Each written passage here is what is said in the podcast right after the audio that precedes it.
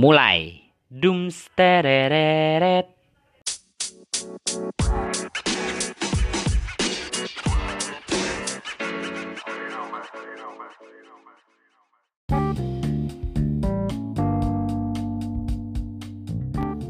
Oke, ini konten baru di Hill Mindset. Namanya adalah Basically. Bahas spesifik kali. Iya. Hari ini dibahas spesifik kali kita kedatangan eh, orang di balik. Go Jet Jet. Oke, Ahmad Ridho Indra. Dok. Ya, Ya, ada orang kata panjang kali. panjang kali, Dok. Ini kayak ini kayak open Oh, pramuka. Iya, itu ada. Yang biasa dikenal pramuka. Oke, eh, Dok, eh, hari ini kita bakal membahas-bahas Dok tentang teknologi. Tapi sebelum itu bisa kenalan dulu Dok. Oh, boleh. Apa sih Go Gadget dan juga siapa sih orang di balik Go Gadget dan ke depan Go Gadget bakal ngapain aja Dok? Ke depan nih, dobrakan di 2020. Oke, siap. Thank you, thank you untuk Hilmi di kita diperkenankan ya eh, hadir di Hill Mindset Eh, luar biasa. Iya dong. Salah seorang eh, putra benua. Putra Banua. Padahal aku adalah putra ayah dan ibuku. Leuga. Oke, jadi eh, mungkin nih untuk gadget ya. Mhm. Gadget ini sebenarnya eh, satu bentuk keresahan kita, di mana banyak banyak bukan semua berarti ya, banyak Ya. para pengguna-pengguna perangkat yang tidak mengetahui sih. Sebenarnya lebih ke arah edukasi, tapi Mhm. kita mengedukasi dengan menggunakan uh, perangkat yang mumpuni. Jadi di luar sana banyak ditemukan ya beberapa pertemanan juga dan beberapa kenalan itu Iya. mereka sangat sangat suka terhadap produk-produk uh, aksesoris lah istilahnya. Hmm. Tapi memang secara secara tanpa mereka ketahui aksesoris itu tidak semuanya original. Ya, Nah, benar dong. jadi masalah dari itu sebenarnya adalah dampak nih, dampak Hmm. kepada gadget yang mereka pakai. Hmm. Nah, kan contoh misal pakai power bank KW, pakai kabel data KW, charger KW. Nah, akhirnya kelistrikan si handphone kan atau perangkat yang mereka pakai akhirnya jadi sasaran utama nih dari produk-produk Iya. KW. Walaupun Dok. banyak tuh dok. dapat murah kan ya, dapat 100 ribu dapat nih power bank kan. Tapi KW, nah itu yang Iya. kita Akhirnya dipakai seminggu udah mati dok. iya ya kalau power banknya doang mati nggak apa-apa sih. Ini handphonenya. Iya handphonenya. ya. handphonenya Iya. karena listriknya tidak stabil nah itu layarnya Dan, nah, Iya, itu iya, yang iya, sebenarnya kita coba hindari Mm-mm. nah itu sih kalau untuk uh, gadget Iya. itu sebenarnya sebuah keresahan aja sih tapi kebetulan karena kita juga konsen dalam user pengguna Iya. produk-produk yang uh, bahasanya kita mengatakan produk-produk yang menjamin dari produk itu jaminan lah istilahnya Iya. karena dia punya merek gitu nah itu Oke. Jadi ke depannya dok, Go Gadget nih bakal ngapain nih dok? Karena tadi kan kita sudah bicara nih sedikit sebelum mulai podcast nih ya. Katanya Go Gadget bakal buat gebrakan baru nih dengan ya lebih banyak eh, perangkat-perangkat baru mungkin. Gimana nih dok gebrakan barunya kayaknya? Eh, melihat perjalanan lah istilahnya Google Gadget ini sebenarnya untuk brandingnya sendiri kita lahir di 2018 Oh, udah Ya. lama dok. ya tapi Berapa tahun ya? dua tahun kan 2020 Kan? Oh iya iya. ya tapi secara konsep itu dimulai di 2011 Oh itu gitu. pertama kali menggunakan handphone yang Android Mm-mm. dan itu masih masih kelas 2 SMP lah istilahnya. Nah jadi dari sana itu hasil kerja, sorry itu hasil kerja bukan hasil Minta dari- juga sih. Ya ditambahin sih tapi karena kan mahal pada Iya. saat itu. Jadi Tapi hasil kerja dan minta dari di orang tua. di ini sih dikasih. Oh, dikasih bukan minta ya dikasih Eh, aja Ya sebenarnya ngeluh juga sih mau beli handphone tapi dikasih. Oke. Bukan bukan minta yang makanya. oke deh Ya, tapi basically memang itu da- eh, basically ya. Eh, Woi, konsep kita. basically tadi konsep kita. Ya rubrik mantap nih, rubrik basic tuh. Iya dong. Siapa dulu dong untuk mengusul. Iya iya iya. Ya pada dasarnya itu eh, keinginan pribadi. Mm-mm. Nah, kebetulan ada support juga.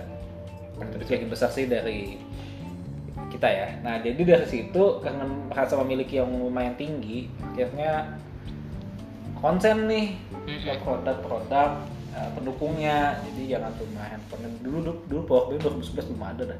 Belum ada dok. Belum ada. 2000. Adanya Aki. Aki buat ngisi HP. UPS ya UPS buat buat komputer tuh Iya. yang 5 kilo tuh. Dan dulu dok waktu perkemahan inget banget tuh dok. Kalau mau bet bete HP-nya habis, ngecasnya di warung-warung acil tuh dok. Oh, iya. 2000 biasanya kalau mau full. Karena nggak ada, karena nggak ada power bank.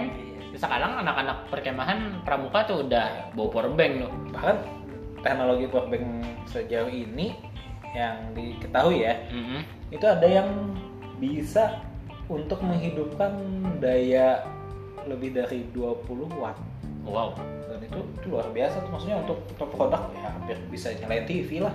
Ya, tapi mungkin tuh dok nanti ada power bank buat nyalain listrik di rumah tuh dok. Ada Kayaknya ada. Ada, udah ada. Ada itu salah satu produk dari Anchor. Wow. Itu harganya kurang lebih 10 juta. 10 juta buat listrik di rumah tuh. Jadi dia colokan-colokan buat rumah juga bisa ada apa eh, lupa nama outputnya itu apa tapi dia yang biasanya digunakan di rumah-rumah kabel jacknya itu. Nah itu bisa. Nah ada juga powerbank buat aki. Ya, saya mobil mogok. Itu ada ada tuh. Ada juga? Wow. Itu harganya sekitar 2 jutaan. Itu ada merek-merek tertentu. Eh, Anchor, Power dan lain sebagainya. Dok, itu kan power bank buat aki, buat mobil, buat rumah. Power bank buat hati dok ada nggak? Aduh. Aduh. Itu kak rumahnya aja. Hai. Rumahnya aja. Siap. Oke, kita sudah banyak nih perkenalan dengan Go Gadget. Sekarang dengan Edo-nya nih, Dok. Nama, Dok, sekarang aktif di mana dan tinggal di mana nih, Dok? Oke, kalau nama tadi mungkin sudah disebutkan, Mhm. nama itu panjang, Ahmad Ridho Indra kayak lagi UN. Iya. Kalau misinya lumayan panjang. Nah, tapi pemilihan di pertemanan itu Edo. Edo ya. Atau Kelakupan, Ya, untuk sosial media. sosial media. Kita Follow IG-nya Kelakupan. Kelakupan. Siap. Kela, bukan kala. Semalam sudah ada yang make yang kala itu. Oh, ya. Jadi Ada pakai saingan dong. Ya kayaknya sih Mm. kala. Padahal harusnya sih secara literasi kala, kala kupan kalau bahasa Banjar. Iya. Nah, tapi kelakupan. Nah, jadi eh, saat ini lagi aktif di dunia saya udah lama sih aktif di dunia kemanusiaan, sosial lah, sosial. Sosial tuh ya. Tapi tetap juga untuk mengupdate ya teknologi-teknologi terkini lah. Walaupun belum semuanya bisa dicoba dan dimiliki. Mm-mm. Ya, tapi apa untuk untuk diketahui itu bagus karena akhirnya kita tahu teknologi itu bergerak cepat dan pesat.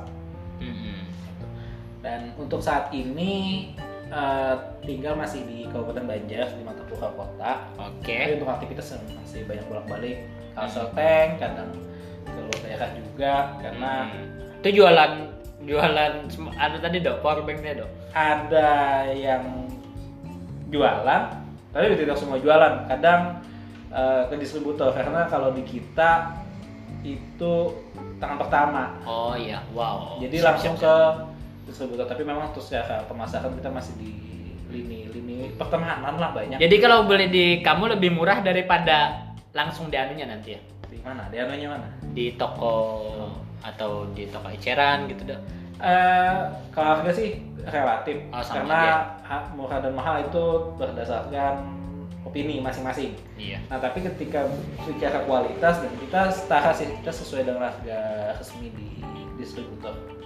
Jadi kita eh, merata harganya satu Indonesia itu sama. Maksudnya pasaran kita sama. Nah tapi kalau di Jet kalau garansi itu kita jamin 100%. Maksudnya sesuai dengan gimana tuh dok jadi misalnya contoh nih beli produk di Google Jet entah itu produk kabel data, eh, earphone atau misalnya power bank dan ada garansi biasanya. Nah, selama garansi itu kalau ditemukan kecacatan produk dari sononya hmm. atau misalnya produknya tiba-tiba rusak tanpa ada human error di dalamnya nah itu kita ganti Wow, diganti. Diganti baru Diganti. jadi tidak Nah. diperbaiki dikasih lagi dengan produk yang sama tidak. Tapi kita ganti. Tapi Jangkanya, jangka garansinya? Garansi nah, variatif produk kita dari ada yang dari satu bulan eh dari dua minggu. Ada dari Mhm, dua minggu. Dua minggu.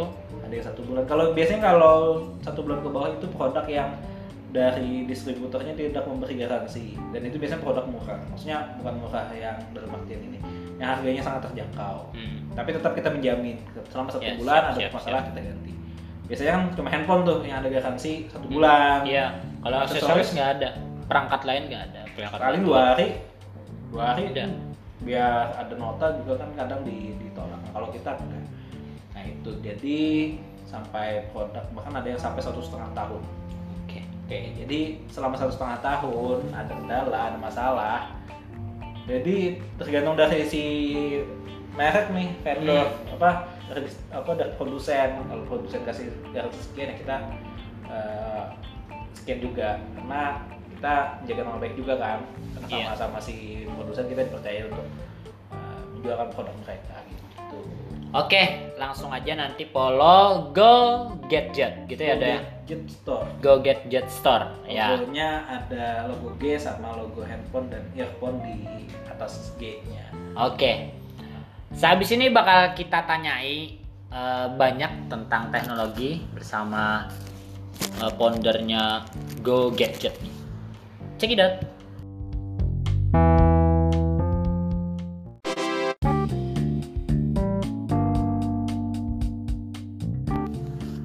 Oke, balik lagi bersama kita dan tentunya dengan foundernya Go Gadget. Eh, pertanyaan nih do ya. oke Pertanyaan pertama tentang rekomendasi nih do buat para mahasiswa buat produk teknologi yang mendukung mahasiswa dalam desain grafis, kemudian eh, kayak kantoran gitu do, kayak ngetik-ngetik dan juga sosial media do. Kira-kira apa yang menunjang mereka buat eksis atau mempermudah kerjaan mereka di sana do? Silakan do.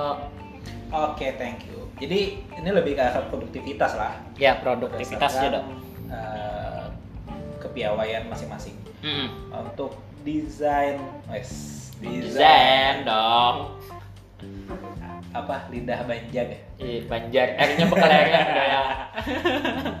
Tapi untuk desain, desain mungkin lebih ke flyer dan lain sebagainya. Kalau mungkin buat kawan-kawan yang lebih senang menggunakan perangkat PC yang mobile, misal kayak laptop, itu bisa coba pakai Corel Draw atau Adobe Illustrator itu yang tapi sudah sudah masuk kategori profesional sih dan itu secara spek mungkin bagi kawan-kawan mahasiswa atau pelajar itu cukup tinggi tapi di zaman sekarang ini ya teknologi sudah mudah untuk ditemui Iya.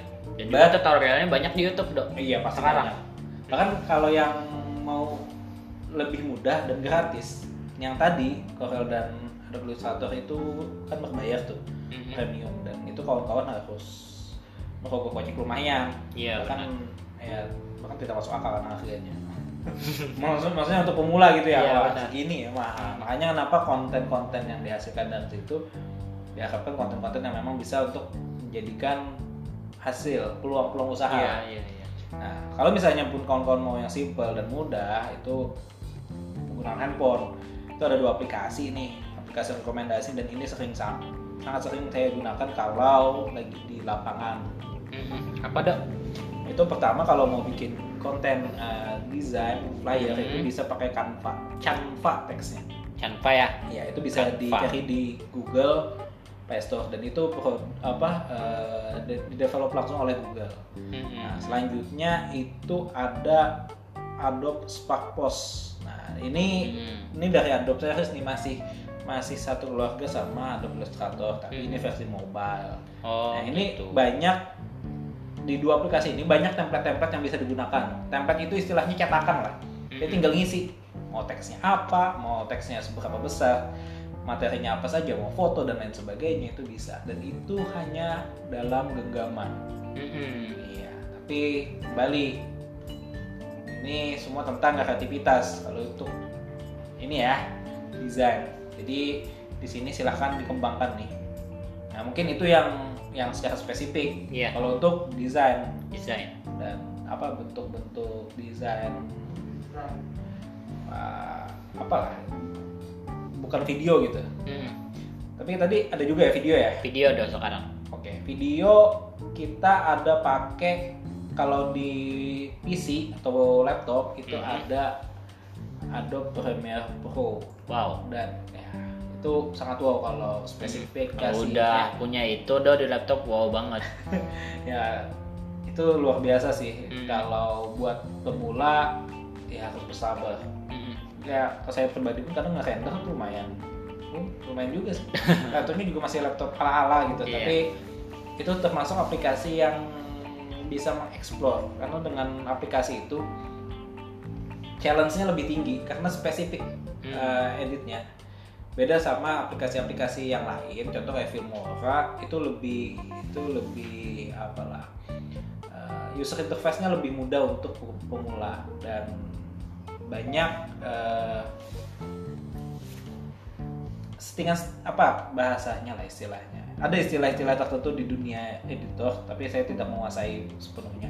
Itu eh, lebih mudah dipahami di Filmora Mm-mm. Tuh, dua itu sih yang biasanya Iya. dipakai untuk video kalau buat HP dok video nih Oke, kalau buat HP, tadi buat ini ya laptop ya. Kalau Iya. buat HP itu sejauh ini masih ada juga dua.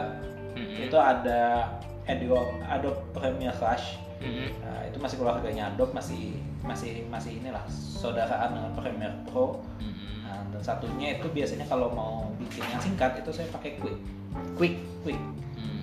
Khusus trailer Eh, ya lebih ke arah Oke. sana. Jadi bagi yang eh, suka bikin konten-konten kayak di Instagram, Mhm. Story itu lebih mudah pakai Quick. Itu jelas lebih mudah daripada eh, Adobe Premiere Rush. Dan ini untuk Adobe Premiere Rush itu biasanya setahu saya sih masih masih terbatas untuk apa istilah penggunaan karena dia secara standar dari di Google Play Store itu dia hanya bisa mendeteksi handphone-handphone flagship atau handphone-handphone yang ya tertinggi lah di masanya. Itu dari 2017 eh, produk flagship 2017 itu biasanya bisa akses. Hmm. kalau iPhone ya iPhone dia sudah pasti masuk. Ya oke iPhone oke masuk. oke. kalau Android tidak semua. Iya. jadi apabila ditemukan handphone anda tidak kompatibel dengan aplikasi ini. Ya. Bersabar sabar dan nanti bisa menggunakan aplikasi yang lain. Misal kayak Filmora untuk mobile dan lain sebagainya. Tapi secara spesifik saya tidak sering menggunakan aplikasi itu. Lebih cocok di dua aplikasi tadi. Oke. Sekarang yang kantoran nih dok kantor ya. Buat yang kerja memudahkan pengetikan atau presentasi dan lain-lain. Untuk khusus untuk kawan-kawannya mungkin ini mahasiswa yang lagi ngerjain skripsi ini lagi musim ya skripsi lagi proposal skripsi. Nah itu biar lebih mudah. Karena kan saat ini pandemi ya. Iya. Kawan-kawan perlu melakukan satu aktivitas yang produktif. produktif dan itu di rumah. Hmm, di rumah pasti. Nah ini kebetulan nih kalau kawan-kawan pakai Google itu ada di Google Drive itu tiga opsi nih. Kalau misalnya familiar dengan aplikasi Word untuk Mhm. mengetik, misalnya membuat makalah dan sebagainya, iya itu bisa pakai Google Dokumen. Itu Hmm. lebih mudah, itu mobile dan itu gratis. Dan Iya. itu bisa diakses misal kawan ada punya laptop atau misalnya ada teman yang punya laptop tapi kalian nih belum punya laptop nih misalnya nih masih punya handphone belum belum sempat kebeli laptop nah itu bisa ngetik pakai laptop teman setelah selesai diketik dan itu kan berdasarkan cloud dia uh, penyimpanan awan Iya. penyimpanan di Google Drive nah itu bisa diakses lagi di handphone tanpa kawan-kawan harus salin ke flash disk flash Iya. disk salin ke handphone tidak perlu jadi lebih mobile Hmm. misal karena misalnya harus terpaksa pinjam laptop nih karena meetingnya panjang bikin skripsi Iya, iya. kan itu bisa nah, Dan termasuk syaratnya satu dong, harus ada internet. oh iya sih wifi kampus Iya. Tapi karena kita nggak di kampus, oh iya jadi di rumah. iya Beli kuota di Go Gadget, ya kan? belum jualan Oh, kuota kita belum. ya mungkin nanti masukkan ya buat kita paket-paket internet terbaik Eh, ya saya yakin sih yang bagi pendengar ini pasti punya kuota dan untuk mengakses ini kuotanya sangat ringan dibandingkan dengan sosial media gitu ya. Hmm. Nah, jadi di situ bisa menggunakan ini. Dan mungkin bagi kawan-kawan yang juga kerja work from home, nah itu untuk memudahkan koordinasi dengan teman-teman misal di kantor karena harus bisa berbagi file yang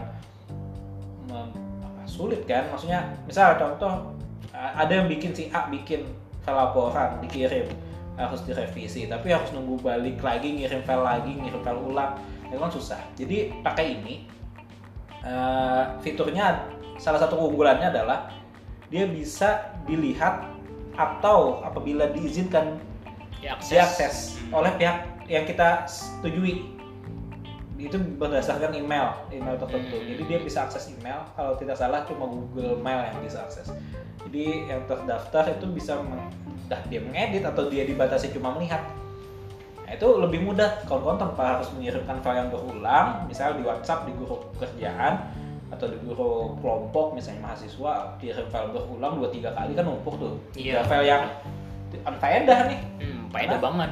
karena direvisi lagi direvisi lagi direvisi lagi Hmm. Dan akhirnya ada biasanya yang salah revisi tuh. Revisi yang yang dulu, Iya. revisi yang terbaru. iya akhirnya rancu kan Ya, akhirnya rancu tuh. tumpang tindih dan tidak ada kejelasan Hmm, nah benar. ini lebih mudah dan ini termonitor Hmm. bahkan termonitornya begini eh, apabila ada kolom misalnya contoh kayak eh, Google Spreadsheet itu Excelnya versi Google bahkan Hmm. kalau kawan-kawan ada yang login dan itu dia mau ngedit dia kelihatan di kolom tersebut jadi oh gitu. monitoringnya itu dan itu semua bagi semua yang bisa mengedit semua bisa monitor jadi semua memantau Oh jadi kita bisa mantau tuh ya.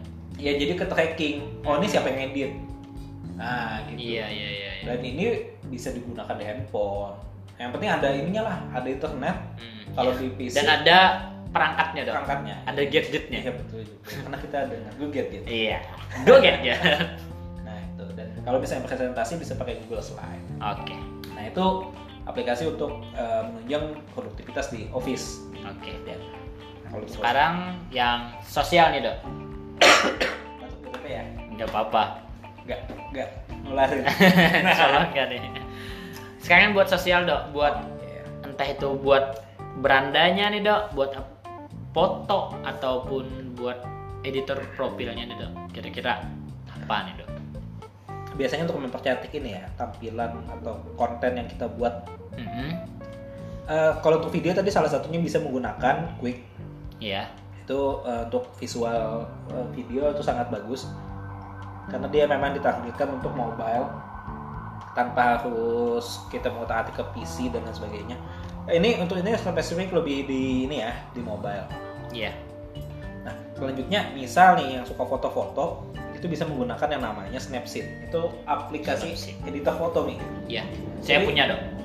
Karena re- rekomendasi anda tuh waktu sekolah saya ingat banget. Oh, berarti udah sekitar lima tahunan ya. Lima tahun. lima tahun yang lalu karena ini Snapseed ini di develop langsung oleh Google Mhm. Nah, memang dia untuk ah, apa user interface-nya mudah lah dipahami dan memang basic untuk dalam apa dalam edit misal mem- mempercantik bukan mempercantik sih meningkatkan cahaya meningkatkan Hmm. kontras meningkatkan saturasi atau misalnya menyesuaikan uh, mengcrop dan lain sebagainya itu bagus. Nah tapi kalau misalnya kawan-kawan secara spesifik itu mau main apa uh, istilahnya color tune itu bisa pakai aplikasi Lightroom. Nah itu keluarganya Adobe lagi nih. Ini keluarganya Jadi Adobe nih. tiga ya, kayak tiga nih. tiga ya. Ada Tadi- tadi ada Foto, video, oh vid- foto video sama ini flyer. oh ya flyer, sama foto. video sama foto. Kalau Iya. foto spesifik di Lightroom. Mhm. Nah, dan ini gratis kalau di PC kawan-kawan berbayar. Tapi kalau misalnya mau fiturnya terbuka semua, itu bisa eh, melakukan pembelian di aplikasinya. Itu saya lupa eh, berapa nominalnya, tapi jelas di Lettercom itu lebih eh, kita bicara lebih artistik. Mm-mm, benar. Itu jauh lebih artistik. Nah, itu buat untuk eh, Sosial sosial media nih di kon- apa bikin konten lah istilahnya. Mm. Nah, mungkin itu sih untuk uh, Rekomendasi software- ya, iya. rekomendasi Oke. software harian. Dan satu lagi, tadi untuk kantor. Jadi bagi kawan-kawan yang suka nyatet, Mm-mm. kadang kan uh, buku tulis kita agak ribet ya sekarang bawa ya misalnya di handphone. Misalnya di handphone mau terintegrasi dengan Google Mail Mm-mm. atau misalnya mau terintegrasi dengan eh, kawan-kawan yang lain sama seperti tadi di Google Drive. Nah, kawan-kawan bisa download yang namanya Keep Google Keep atau kalau di kalau kawan-kawan handphonenya bahasa Indonesia itu sorry catatan apa ya? Catatan sih intinya lebih ke catatan itu di produknya Google juga. Mm-mm. Ya, jadi di situ eh, kawan-kawan, nah catatan Keep Oke. aplikasinya catatan Keep Catatan keep ya. itu lebih itu sama sifatnya dia mobile mau kawan-kawan buka di laptop di HP itu semuanya Hmm. integrasi jadi tanpa harus kita Siap, mencatat nanti download nih. iya. Baru tahu nih. jadi kadang kan gini kita nyatet Mm-mm. sampai rumah kita lupa Iya. nyatetnya di mana nyatetnya apa nah, kalau ini ini bahkan beberapa kesempatan waktu meeting Mm-mm. kita meeting pakai ini Eh, kebetulan saya sama tim Mm-mm. kita connect eh, jadi ada sa- satu istilahnya notulensi ya Iya. tapi notulensinya live jadi di Oh. pojok ada yang ngetik uh, di display kita kebetulan kita pakai tablet pakai iPad Mm. itu sudah keluar catatan Oh, berarti kalau kita rapat nih lagi organisasi rapat, Hmm. pakai aplikasi ini keep bakal memudahkan ya. Se- Sekretaris ngetik, yang lain tinggal Review. connect ya re- review HP ya. Review ininya HP ya, aja iya iya iya iya. dan itu Mm-mm. Ini sangat membantu nih pasti dok ketika rapat atau meeting. sangat sangat membantu Kebetulan- Karena gini dok, eh, saya sudah beberapa kali ganti HP, iPhone, kemudian ini sekarang Android kan. Eh, catatan di iPhone itu ke mana-mana dok, Iya. karena saya kan nggak bisa akses eh, apa catatan yang dulunya di iPhone itu nggak bisa saya akses lagi di karena beda platform karena kan beda, nah, di, itu kan iOS ini Android nah itu uh, termasuk uh, ini multi multi platform Oh. karena ini bisa di download juga bagi yang pengguna Apple Iya iya. iya. Ini sorry nih pengguna Apple baru disentil nih. Pengguna Apple bisa download juga produknya Google. Nah itu mudah. Iya iya. Kadang. Siap nanti saya download nih buat bersihin catatan. Nah bah- bahkan eh, saya pribadi itu multi device. Jadi ada handphone, handphone saya ada dua. Itu dua-duanya ada keep. Kadang satu habis baterai, satu. Walaupun nih saat yang Ya ya ya. yang ya, yang ya, ya. handphone utama habis baterai, Mm-mm. kuotanya nggak ada. Tapi di handphone yang satunya itu kan khusus khusus telepon, Mm-mm. khusus khusus menerima telepon. Eh, kita catat dulu nih, walaupun offline kan, Mm. offline catat. Ketika kita sampai di rumah, wifi kita connect, handphone kita yang utama itu terisi baterainya, waktu kita hidupkan ya dia tersinkron. Oke siap. Jadi siap, siap. tanpa harus kita wah minta catatan lagi nih, nyatat lagi nih kan Ya. capek. Nah, ini nanti bakal jadi gebrakan baru mungkin ya di kampus saya nih.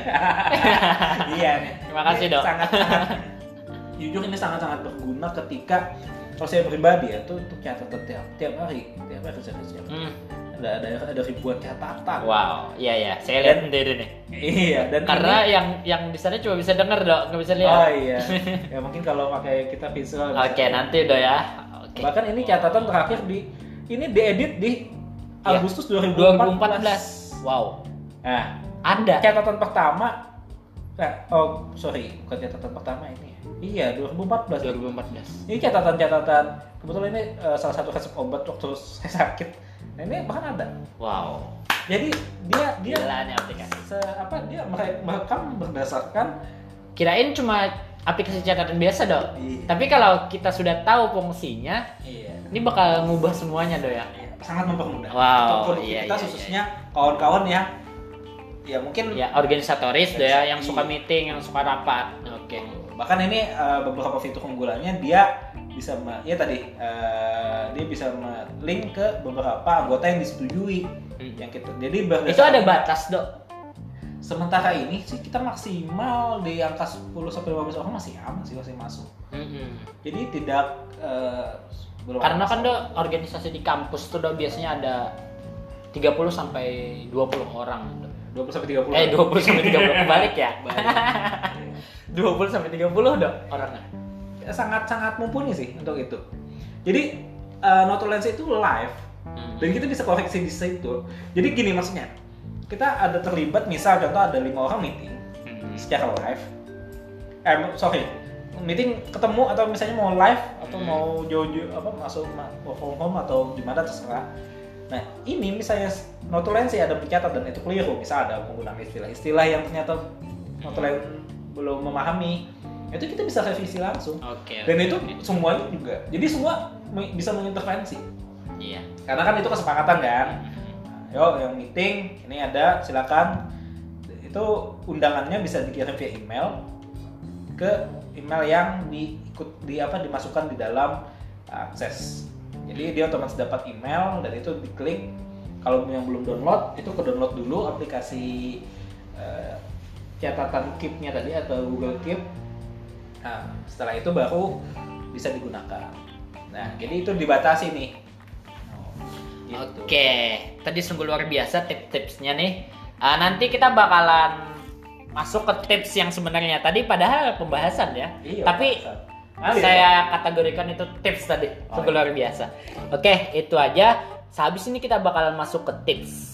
Stay tune.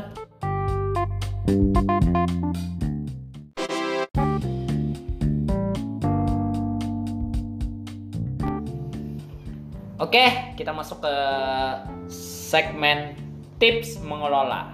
Oke, jadi yang pertama ini tips mengelola kota nih dok. Gimana nih dok? Oke. Menurut Go Gadget. Kuota internet ya? Ya, kota kota haji. internet. Bukan kota listrik. Oh iya. Tapi bisa juga sih diimplementasikan di kuota listrik. Oke, gimana dok? Jadi pertama sih untuk kuota kebanyakan, kebanyakan ya apa dari pengalaman pribadi itu kebanyakan habis di sosial media. Pastinya Instagram. sekarang. Ya, Instagram ya. Mm-mm. Ya, kenapa eh, paling banyak kan dia load ini load, load kontennya itu HD. Nah, jadi salah satu eh, caranya adalah pertama kita membatasi terhadap eh, penggunaan-penggunaan yang tidak produktif. Itu satu. Kecuali ya kuotanya banyak melimpah ya monggo mau nonton YouTube. Gimana dok contohnya penggunaan yang non produktif tadi? Contoh misal terlalu sering menggunakan sosial media sehingga Mm-mm. ya mungkin kaum rebahan lah istilahnya. Ya, cuma scroll scroll gitu aja. Iya. Lihat-lihat cewek atau cowok-cowok ganteng gitu ya. Iya, gitu-gitulah. Ya, itu dikurangi. Dikurangin karena eh, secara kalau kita melihat kita bicara produktif ya. Hmm. Kita bicara produktif hal tersebut ya mungkin bagi beberapa kawan-kawan yang eh, termasuk orang-orang yang kreatif eh, mungkin mereka perlu melihat mereview konten-konten yang lagi hype di Hmm. di masa tersebut. Nah, tapi bagi kawan-kawan yang hanya untuk sosial media, nge-scroll mantan misalnya, ya ngapain juga kan? Iya. Masih ada uh, masa depan yang harus diperjuangkan dengan produktivitas. Iya, iya. Nah, itu pertama dari diri kita nih membatasi kuota. Kita butuhnya apa sih kuota? Karena kan kuota ya tidak semua itu pakai wifi di rumahnya atau di Hmm. kosnya. Nah, jadi itu sangat sangat terbatas. Uh, dan salah satu tipsnya selain tadi dari diri sendiri itu bisa dibantu dengan software, dibantu dengan sistem.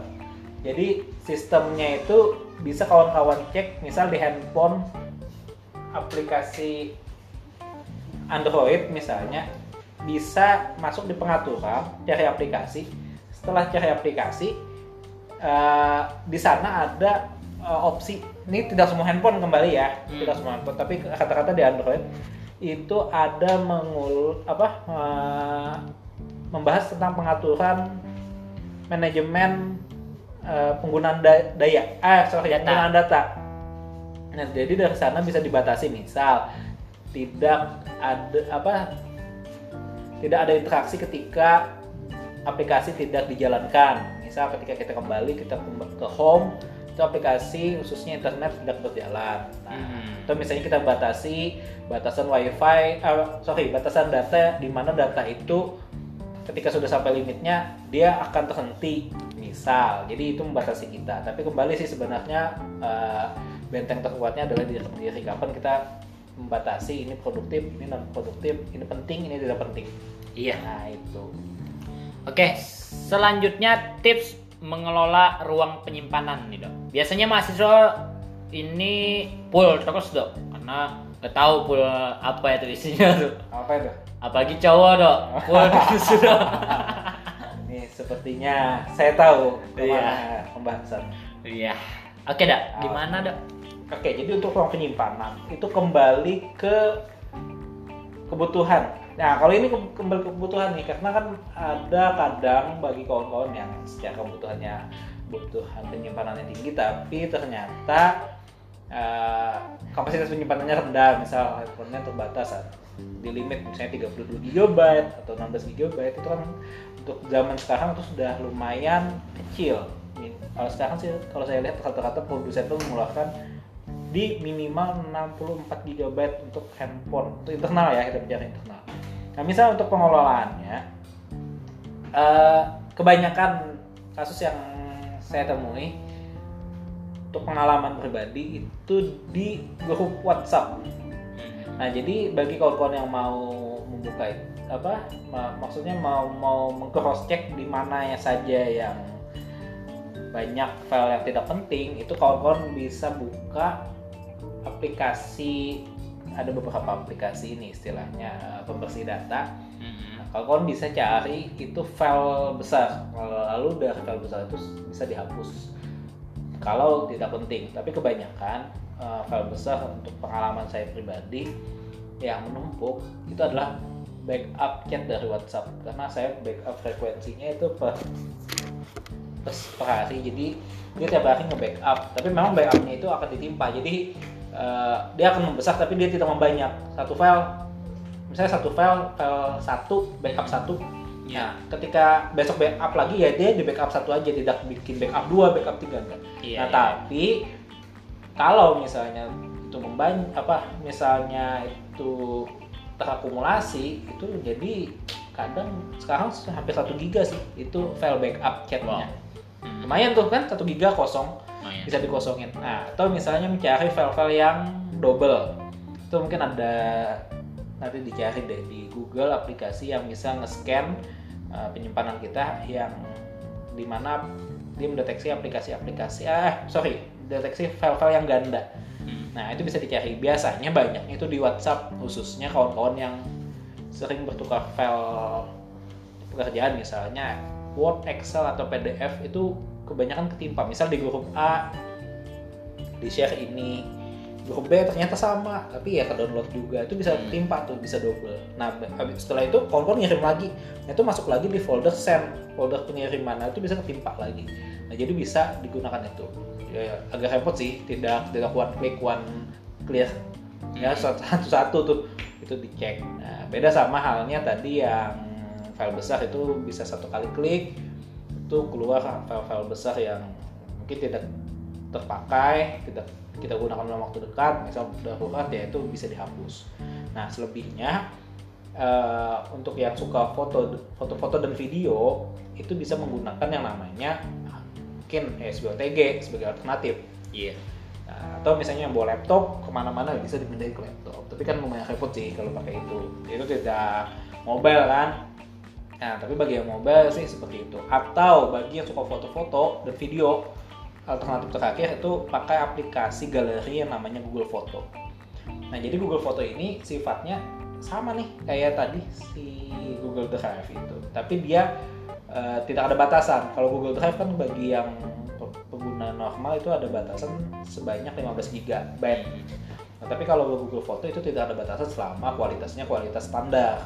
Jadi kalau kawan misal nih foto dan foto itu ketika di dalam aplikasi galeri ini Google Foto itu di backup atau dicadangkan itu selama kawan-kawan mengcapture foto dan video yang mana kawan-kawan sudah checklist bahwa file itu akan dicadangkan setelah itu kawan-kawan bisa hapus. Dan itu akan tersimpan di Google bahasanya ya di penyimpanan Google lah.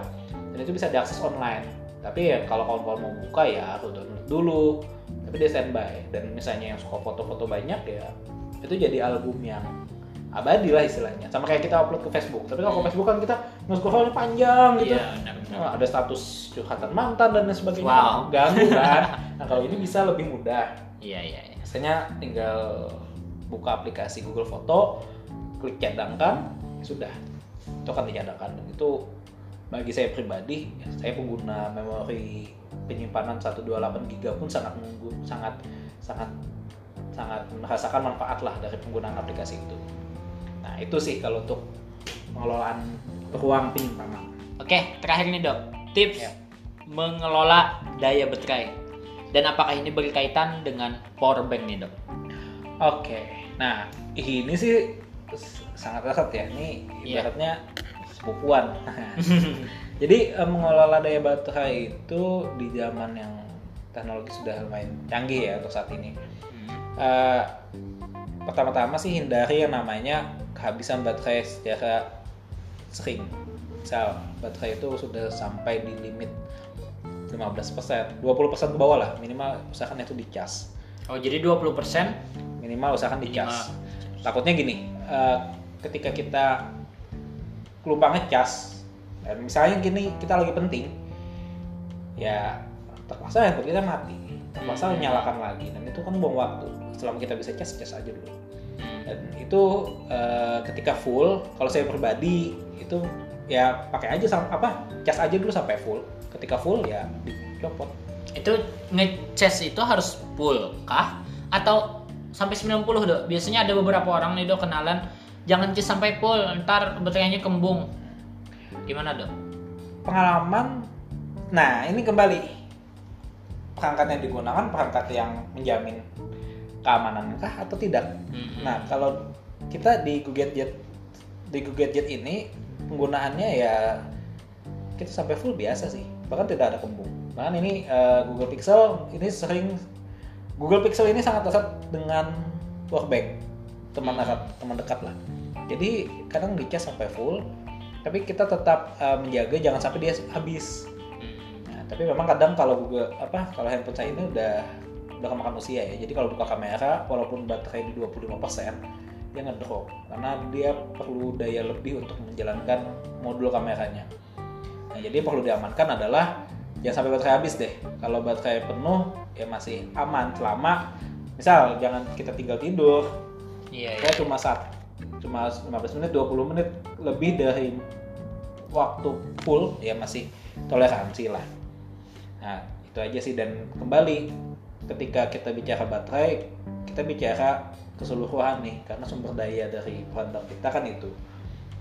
Nah jadi minimal itu dikelola dengan baik dengan menggunakan perangkat-perangkat yang kayak kalau bisa bersertifikasi. Contoh misalnya ada beberapa produk charger atau eh, produk powerbank itu bersertifikasi Qualcomm misalnya. Itu sangat kompatibel dengan produk yang berchipset Qualcomm. Hmm. Nah, untuk kebanyakan Android. Tapi kalau misalnya ada juga eh, sertifikasinya Power Delivery, itu yang sudah menggunakan kabel Type C.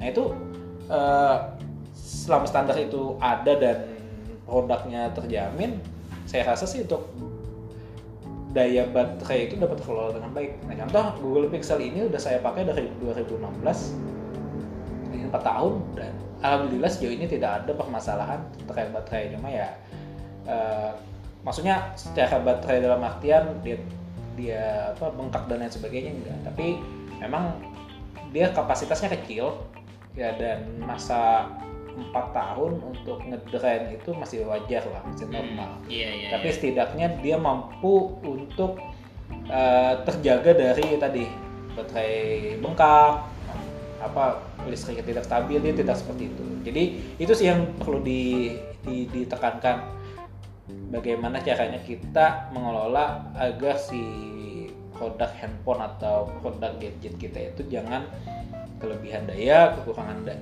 Kalau kelebihan sih tipis-tipis aman lah, tapi kalau kekurangan jangan sampai karena itu tidak stabil. Oke. mati kan tiba-tiba 10% ngedrop tep mati apa coba Eh, mending di 20% kita cas kan Wah, karena kalau sudah mati ya kalau yang jadi masalah bagi yang kerja ya terpaksa tuh eh, apa misalnya lagi ngetik ya ketikanya hilang tidak tersave kecuali ada auto save sebelumnya Iya, iya. Nah, itu jadi lebih untuk ke produktivitas sih terkait daya apa tips-tips yang sampaikan terkait daya baterai, daya apa mem- memori ya, penyimpanan dan kuota tadi gitu. Oke, itu tadi tips-tips buat kita mengelola gadget kita. Oke, satu pesan nih dok, satu pesan buat pendengar nih dok. Ah, terserah apa pun itu pesannya. Ya, yang jelas sih eh, utamakan ketika kawan-kawan memang konsen dalam penggunaan gadget, ya utamakan kawan-kawan juga menjaga gadget tersebut agar tetap optimal sesuai dengan fungsinya. Nah, salah satunya adalah menjaga dengan menggunakan produk-produk yang menjamin kenyamanan dan keamanan. Karena banyak di luar sana yang belum mengetahui, yang perlu mendapatkan edukasi terkait aman dan nyamannya penggunaan. Bahkan se se receh recehnya kabel data kabel data itu sangat sangat berpengaruh terhadap distribusi daya. Makanya kan ada banyak orang yang kabel datanya udah mau putus tuh. Kabel-kabelnya udah iya, iya. serabutan ke mana-mana itu masih dipakai. Nah itu sebenarnya berbahaya. Pertama bahaya untuk device-nya sendiri. Dan yang kedua berbahaya bagi orangnya. Ya siapa tahu kan eh, kesetrum siapa tahu ada kontak dengan cairan atau air misalnya. Itu kan sangat berbahaya. Nah Mhm. itu sih. Dan yang jelas eh, saat ini kalau kita pribadi ya manfaatkanlah perangkat-perangkat yang ada di sekitar kita dalam tujuan produktif. Kenapa tujuan produktif? Karena eh, ya tidak semua sih. Maksudnya yang kita, kita perlu juga hiburan kan ya. Sekarang Hmm. handphone juga pada canggih udah bisa main game dan lain sebagainya. Nah, tapi imbangi dengan hal-hal yang produktif hal yang sifatnya untuk membangun jangan sampai handphone digunakan hanya untuk bermain game lupa waktu dan ya lupa ibadah juga kan akhirnya kan Siap. nah jadi itu sih eh, pesan-pesan buat kawan-kawan tetap produktif walaupun dengan keterbatasan gadget karena kreativitas itu bukan dibatasi oleh perangkat tapi oleh diri anda sendiri Oke. gitu. Siap pesan yang sungguh luar biasa. Eh, di follow nih Go Gadget apa dok? Sekali lagi. Eh, follow Go Gadget Store jadi di Instagram. Eh, kalau tapi kebetulan untuk admin kita masih belum begitu aktif. Nah, kalau bisa cari Go Gadget Store, font apa teksnya gunya hitam, gadgetnya biru dan ini eh, ada ada masih cuma 4 postingan. Dan ini masih power bank isinya. Oke, nggak apa-apa. Tapi katanya di 2020 bakal ada gebrakan baru dari Go Gadget. Tungguin aja. Tetap stay tune dan juga follow ini tadi Go Gadget Store. Itu aja. Idina suratul mustaqim. Assalamualaikum warahmatullahi wabarakatuh.